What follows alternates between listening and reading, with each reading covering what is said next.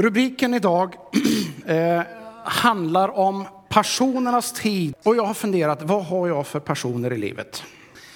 Och det finns många saker som jag tycker om. För, för ett antal år sedan så var det nog många av mina vänner som hade lyft fram att Nej, men Svante, för honom är det jätteviktigt att dricka kaffe ungefär klockan tio.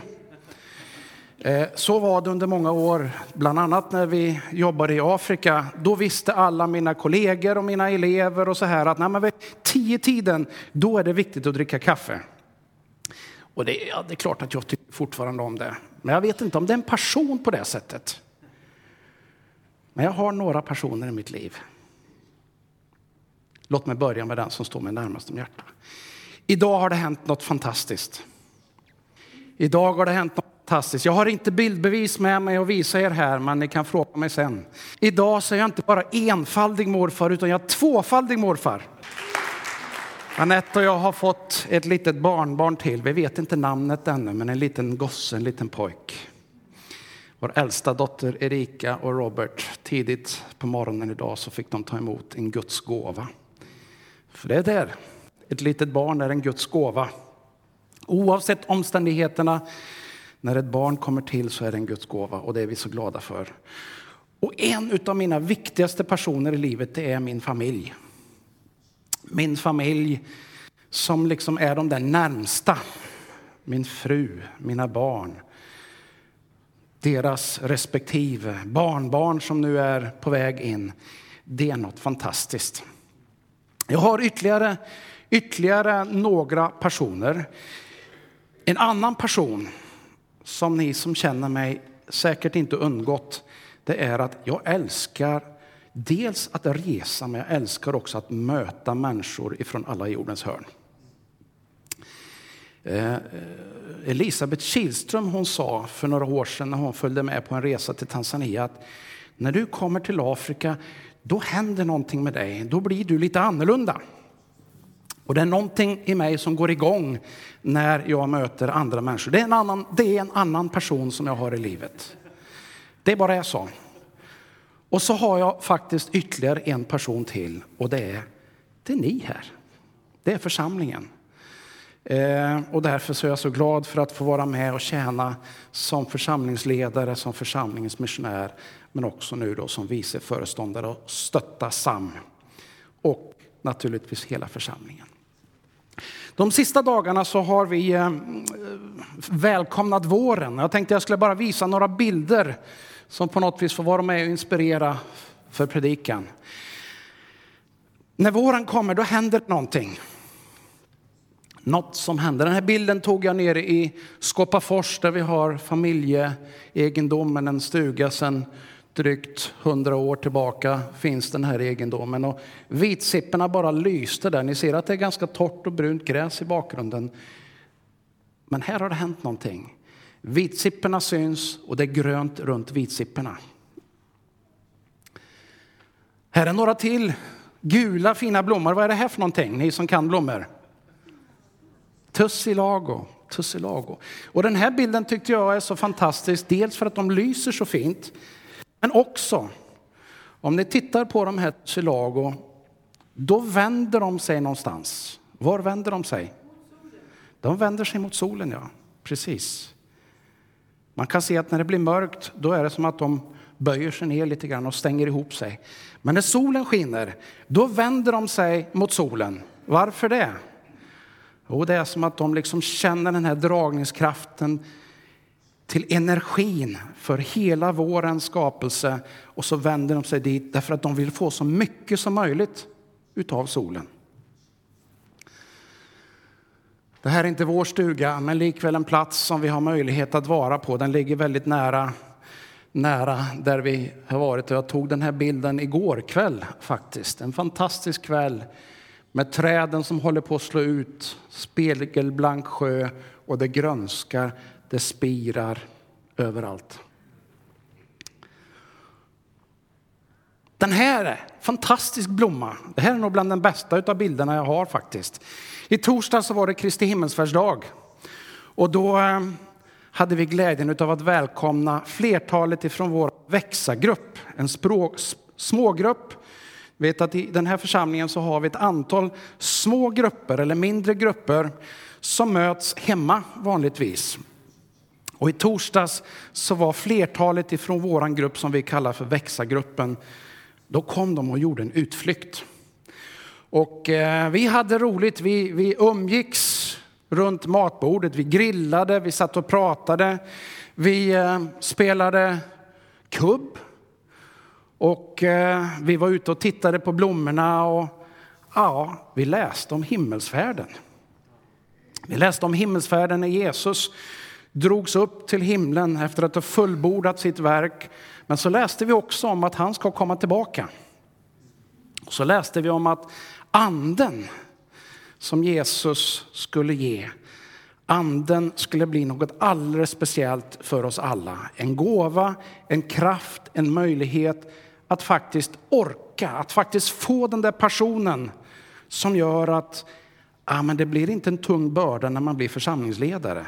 Det blir i huvudsaken en glädje. Ja, visst, det finns bördor också. Men det är inte så att man tyngs ner, utan istället så får man den där kraften i sitt liv som gör att man, man liksom orkar med och känner glädje och vill vara med. Och det var så roligt att mötas. Också några som aldrig har varit med förut och det är jag extra glad för. Varför? Jo, därför att i den här gemenskapen så vill, vill vi aldrig vara slutna. Vår vision som församling är att vi vill vara en växande gemenskap som älskar Gud och som älskar människor. Därför är jag glad att vår växargrupp har under det här året, knappa året som den har funnits, så har det fått varit en växande gemenskap och jag ser fram emot att den kommer att växa. Hoppas att din grupp, om du är med i en sån, också har den här drömmen om att växa, både som individer men också faktiskt till numerär. Och problemet är inte så stort, för blir det för många, ja men då kan man dela på sig. Och så blir det två goda nya grupper istället. Våren är också tiden när liksom energin kommer till både det ena och det andra. Här är två bilder på samma vedbod. Det är lite olika ljus, för det ena är på förmiddagen och det andra är på eftermiddagen. Men jag tror att ni ändå kan se skillnaden. Det här är före och efter vår vedbod i går. På morgonen såg den ut så där. Ni vet att färgen har liksom flagnat och, och bleknat. Det är inte så vackert. Många år sedan eh, den byggdes och målades framför allt. Men sen när vårenergin hade fått gjort sitt, då såg den ut som den där högra bilden där. Rött och fint. Det är möjligt. Och jag tänker att med det jag vill dela idag så vill jag redan från början säga som så här. Jag vet inte hur du har det i livet, vart du är och hur din livssituation är. Men det är möjligt att få uppleva en sån där ny skapande som våren visar på. Eller ett sånt här nyskapande som våran vedbod fick vara med och påminna oss om igår när vi målade den. En gammal, ganska tråkig vedbod blev faktiskt ganska trevlig med lite ny färg på. Och den här bilden tog jag för några dagar sedan när vi var ute. Syns kanske inte jättetydligt, men det var ganska mycket torra kvistar, torrt gräs och mitt i alltihopa det där till synes livlösa så var det några blad som hade börjat att växa. Så där grönt, vackert. I det till synes livlösa, där kan passionen på nytt börja växa till nytt liv. Fundera över det under det jag vill dela här en liten stund. Våren är ju en otrolig tid.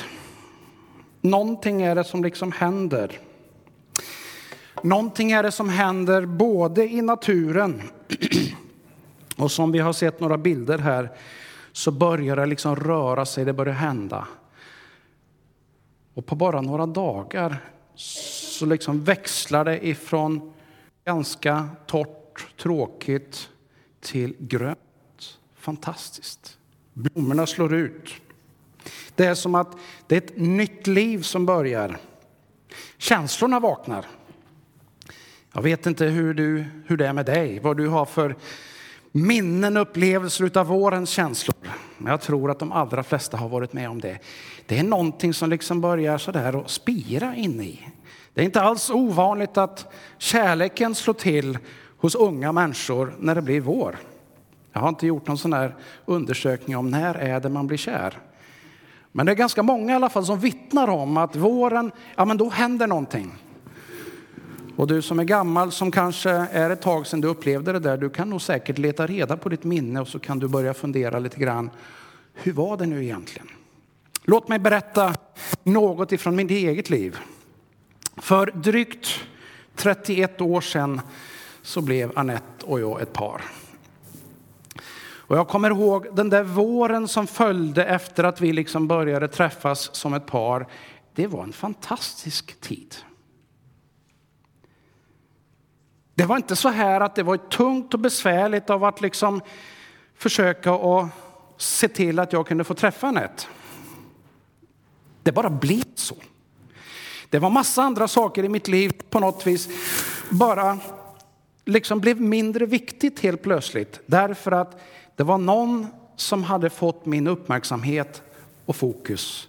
Det var någonting som gjorde att det liksom bubblade inne i hjärtat. Det var någonting som gjorde att ja, men jag var beredd att uppoffra ganska mycket bara för att vi skulle få träffas och umgås.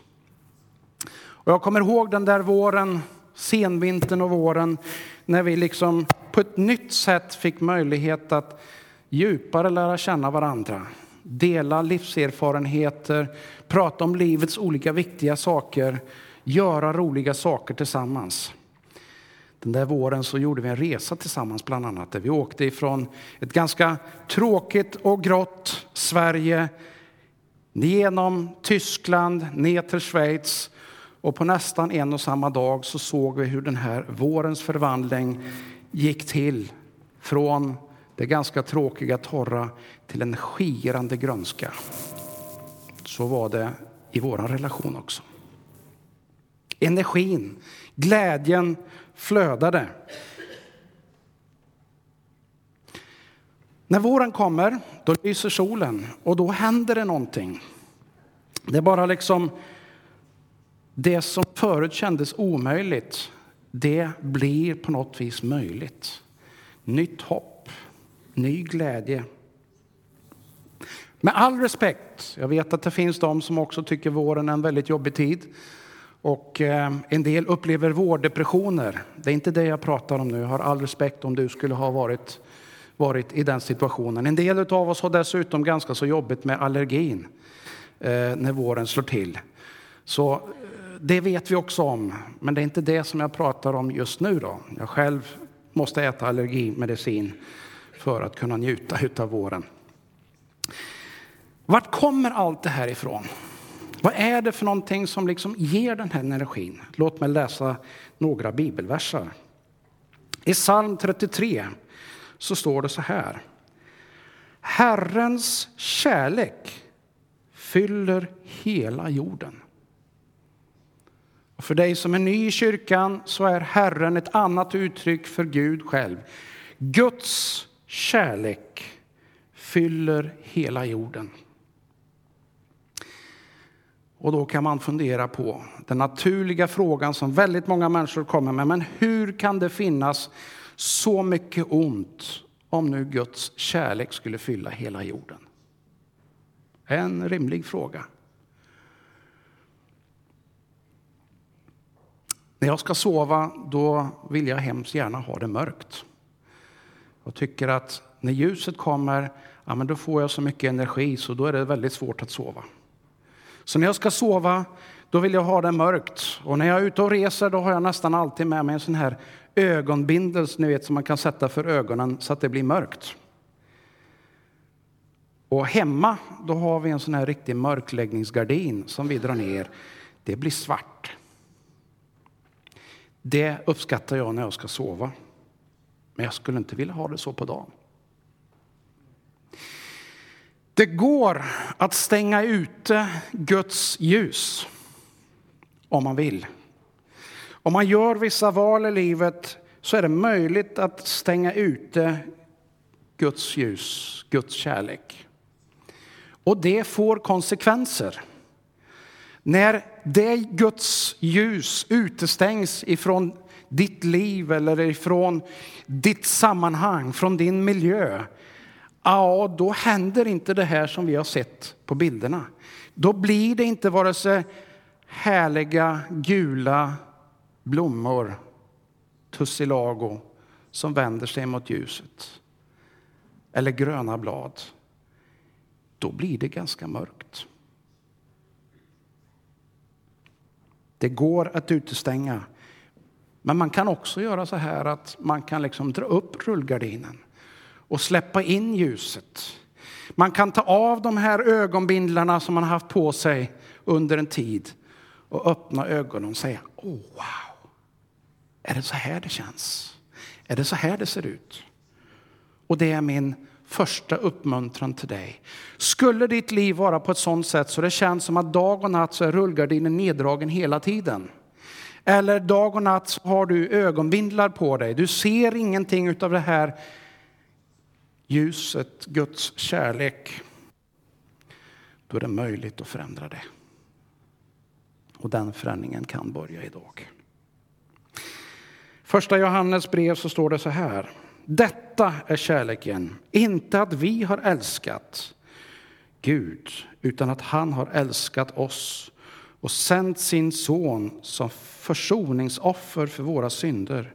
Mina kära, om Gud har älskat oss så måste också vi älska varandra. Ingen har någonsin sett Gud, men om vi älskar varandra är Gud alltid i oss och hans kärlek har nått sin fullhet i oss.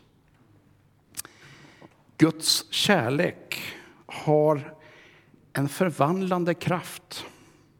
Precis som vi sedan den här veckan har sett våren förvandlas ifrån lite torr och tråkig miljö till grönskande, vacker. Precis på samma sätt kan faktiskt Guds kärlek röra ditt liv, röra ditt hjärta. Bokstavligen blir det som att rullgardinen dras upp och ljuset kommer in och det börjar växa. Blommorna slår ut, det grönskar. Så kan du få uppleva det i ditt liv. Guds kärlek fyller hela jorden. Om man funderar på kärlek, vilket jag gör nu och då, och ni har säkert kanske som brukar gå i den här kyrkan hört mig någon gång förut dela lite tankar om det, så vill jag ge ett speciellt perspektiv idag. Att ge, det är ett kärleksuttryck. Man kan uttrycka kärlek på många olika sätt, men just att ge, det är ett viktigt kärleksuttryck. Och det finns olika saker som man faktiskt kan ge. Gud, han har visat sitt exempel. Han har gett oss sin son som ett sätt att möjliggöra, som ett sätt att betala för alla de brister, synder, svagheter som vi har. Och för att göra det möjligt för dig och mig att ha en god relation igen. Återfå en god relation med Gud, med människor, med skapelsen, med allt. Han gav och vi har fått ta emot. Men vi har också möjligheten att få ge tillbaka. Eh, ibland så har jag förmånen att få sitta tillsammans med par. Eh, kan vara unga, kan vara medelålders, lite äldre kanske som på ett eller annat sätt eh, kanske har kommit någon, någon, någon besvärlig passage i livet. Och så får jag ibland lyssna på dem och så kanske säga ett och annat gott ord. Inom ramen för det vi kallar för det goda samtalet. Och en av de här sakerna som vi då pratar om ibland, det är att det finns olika sätt att uttrycka kärlek. Och vi förstår det på lite olika sätt. Och några av dem jag tänker nämna finns med där och så har jag ytterligare några till. Men ett sätt, det är faktiskt att ge av sin tid till någon som man älskar. Sam utmanar oss här för en liten stund sedan. Om du har möjlighet så får du ett fantastiskt erbjudande att få uttrycka din kärlek genom att ge av din tid på gengåvan. Och det fantastiska är att där får du möjlighet att möta människor där ni får liksom känna glädjen tillsammans. Men det är, inte, det är inte det som är slutet, utan det som går vidare är att det som händer, det är att det kommer in glada människor som får köpa saker till en billig pen, penning, så de blir glada. Men dessutom genererar det resurser så att vi kan göra massa bra saker här i Karlstad och till jordens yttersta gräns. Vilket vinnande koncept. Kärlek kan uttryckas i tid för den du älskar. Tid för att göra något gott. Tid för din församling, tid för din familj. Uppmärksamhet är en annan sån här viktig sak. Har du varit med om någon gång i ett samtal där du ser att den här personen du sitter med är inte intresserad av dig utan är någon helt annanstans? Hur känns det? Ja, jag har varit med om det någon gång. Tyvärr har jag nog med, medverkat till det någon gång också. Ni kan fråga min familj. Det har nog hänt att jag suttit framför datorn någon gång och så, pappa, ja. Och så kan ni nog tänka er hur den där konversationen blev sen. Det är inte speciellt roligt. Men däremot så har jag också goda exempel på, tror jag, när jag både själv har fått visa uppmärksamhet och där jag själv har fått verkligen ta emot den här, när jag har suttit ner med någon som verkligen har varit intresserad av mig.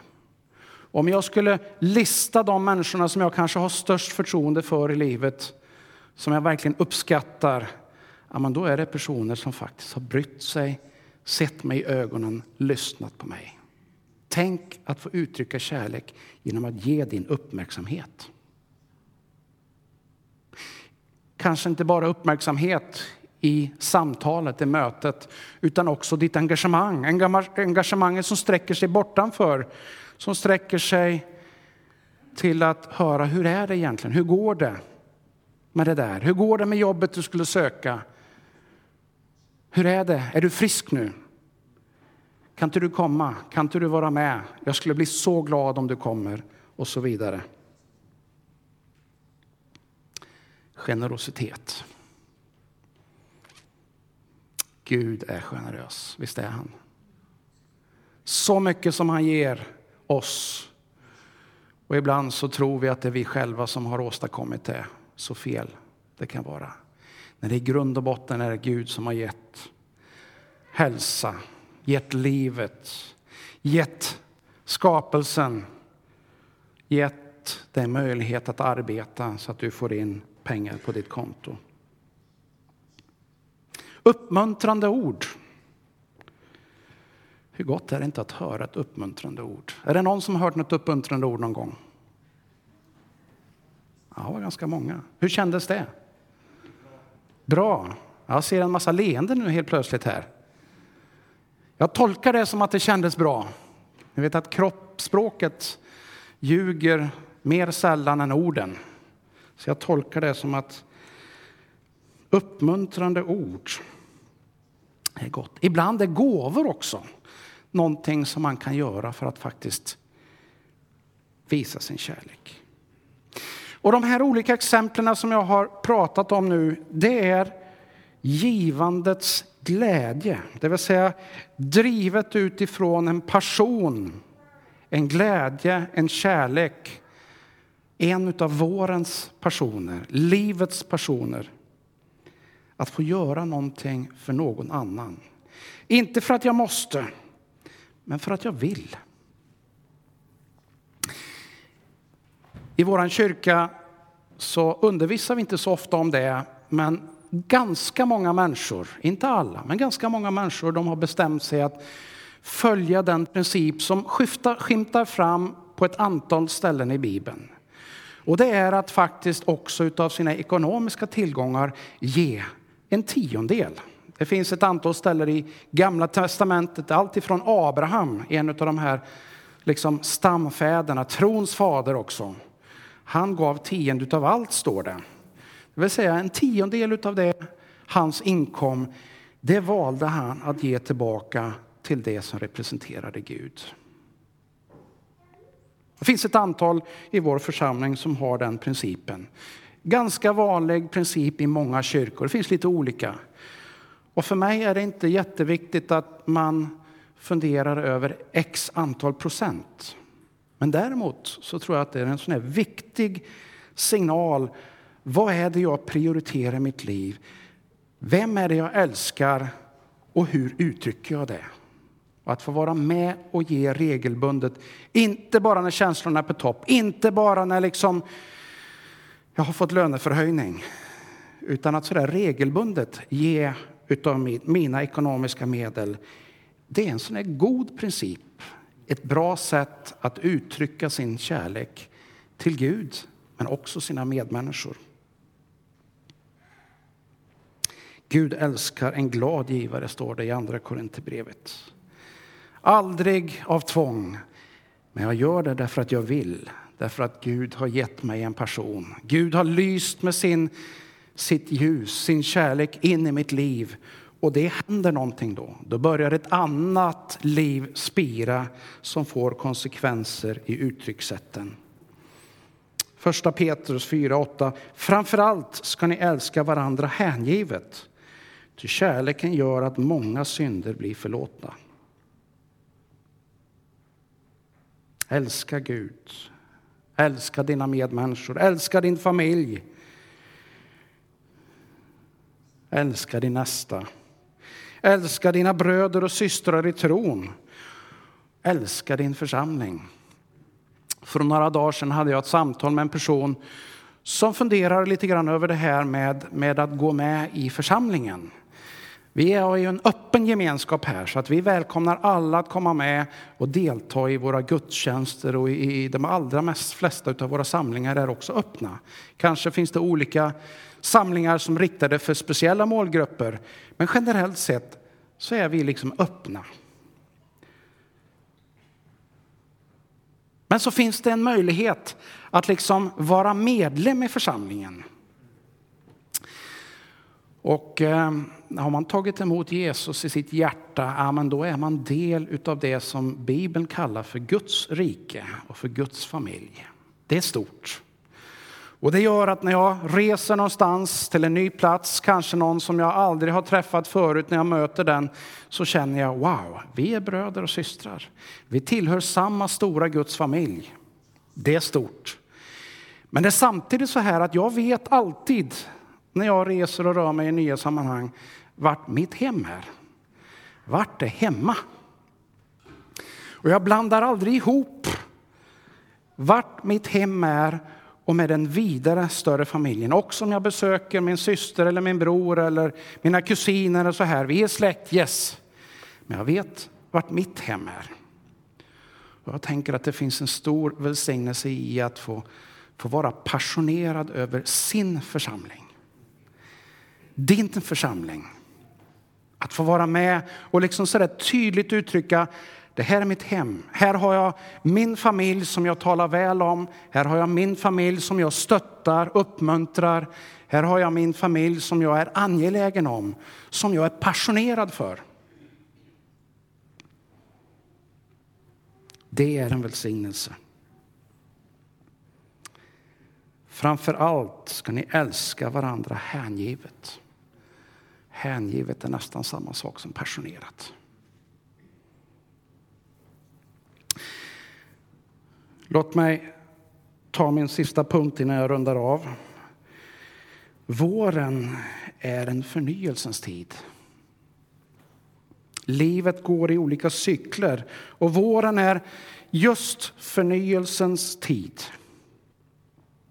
Bibeln talar ibland om, eller på några ställen om att fröet, det liksom måste komma ner i jorden och måste liksom dö där. Till synes torka, till synes liksom ta slut. För att på nytt väckas till liv. Förnyas, komma i en ny skepnad, växa, grönska, blomma ut. Efesebrevets författare skriver så här, fjärde kapitlet 23 versen till 24 versen. Se till att ni förnyas i ande och förstånd och att ni klär er i den nya människan som har skapats efter Guds bild med den rättfärdighet och den helighet som hör sanningen till.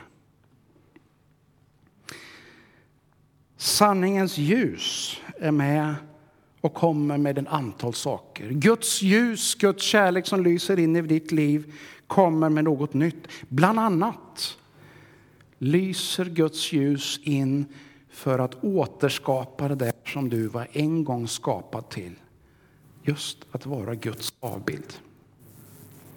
Och här så talas om att se till att förnyas. Det vill säga att det är ett aktivt val man gör. Energin finns där, solen finns där. Men det är ett aktivt val jag gör att dra upp rullgardinen. Det är ett aktivt val jag gör av att komma ut i solen och få ladda batterierna. Det är ett aktivt val av att se till att jag förnyas och ta del av det som Gud håller på att göra. För att bli Guds avbild fullt ut. För att ännu mer kunna återspegla just Guds kärlek. Och framförallt att få rätt livsperspektiv. Varför du finns här på den här jorden. En av mina absoluta favoritberättelser i Bibeln är från Johannes, det fjärde kapitlet. Jesus möter en kvinna som är trasig, misslyckad.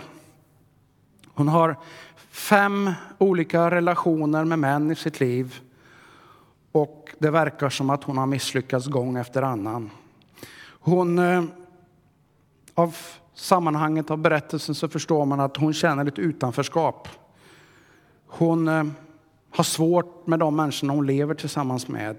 Hon tillhör en folkgrupp eller en religion som är, känner utanförskap gentemot andra.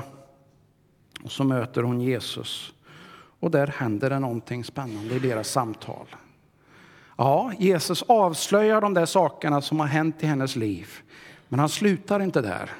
Det är liksom inte domen och pekfingrets pedagogik som tar över. Utan det konstaterandet, så är det. Men det finns något nytt för dig. Och så fortsätter det här samtalet in som handlar om nytt vatten. Nytt levande vatten som har kraft och möjlighet att förvandla. Och så fortsätter de samtalet där hon kopplar till sin tradition. Ja, vi brukade be på det här berget och ni ber där i Jerusalem på det sättet. Och då säger Jesus så här. Ja, den tid kommer, den är redan här, då alla sanna gudstillbedjare ska tillbe Fadern i ande och sanning. Till så vill Fadern att man ska tillbe honom. Gud är ande och det som tillber honom måste tillbe i ande och sanning. Jag tänker att den här texten, som du gärna kan få läsa när du kommer hem, Johannes evangeliet, det fjärde kapitlet, är en fantastisk text. Jesus möter den här personen som har känt utanförskap. Jesus avslöjar det som är att avslöja, men det är inte det som är den stora poängen. Den stora poängen är det som ligger framför. Jag går på livets väg, sjöng Jenny och Emil och de här härliga barnen. Det vill säga att man går, man tar steg framåt. Jag går framåt. Jag ägnar mig inte i första hand av det som ligger bakåt. Jag ägnar mig inte, oavsett ålder, så ägnar jag mig inte åt det som en gång hände. Ja, det finns med i historien. Jag tittar någon gång i backspegeln. Men huvudsakligen så går jag framåt. Och det är Guds perspektiv. För det är Guds perspektiv också med den här kvinnan. I ande och i sanning. Nästa helg så firar vi pingst. Och nästa helg så kommer kyrkor runt om i hela världen, inte minst här i Sverige, men också på andra håll, så kommer man att läsa texten ifrån Apostlagärningarna 2. Där anden liksom så, där så tydligt kommer och ger nytt liv. En annan dimension av den här Guds kärlek. Och jag ska inte predika om det nu, jag vill bara påminna om det. Har du möjlighet så läs gärna den där texten under veckan. Det är något fantastiskt. Det är lite grann precis som det vi ser ute i våren just nu. det som var tört, torrt och torkat, utan grönska, utan blommor, utan liv, det kan få nytt liv. Varför? Jo, när Gud lyser in i ditt liv med sitt ljus. Nu ska vi avsluta och, och, och, ni som ska leda oss i lite lovsång här kan gärna komma fram. Vi kommer att ha möjlighet om en stund att, eh, att be tillsammans. Men jag vill bara säga så här att, att du har möjlighet att få uppleva Guds kärlek in i ditt liv på nytt. Eller kanske för första gången. Du liksom kan bokstavligen få dra upp mörkläggningsgardinen så att ljuset lyser in. Du kan få uppleva en sån här passion och glädje i ditt liv som du kanske inte har gjort på många, många år. Och du kan få uppleva glädjen också av att ge. Och du kan få bli förnyad i både din ande och din kunskap.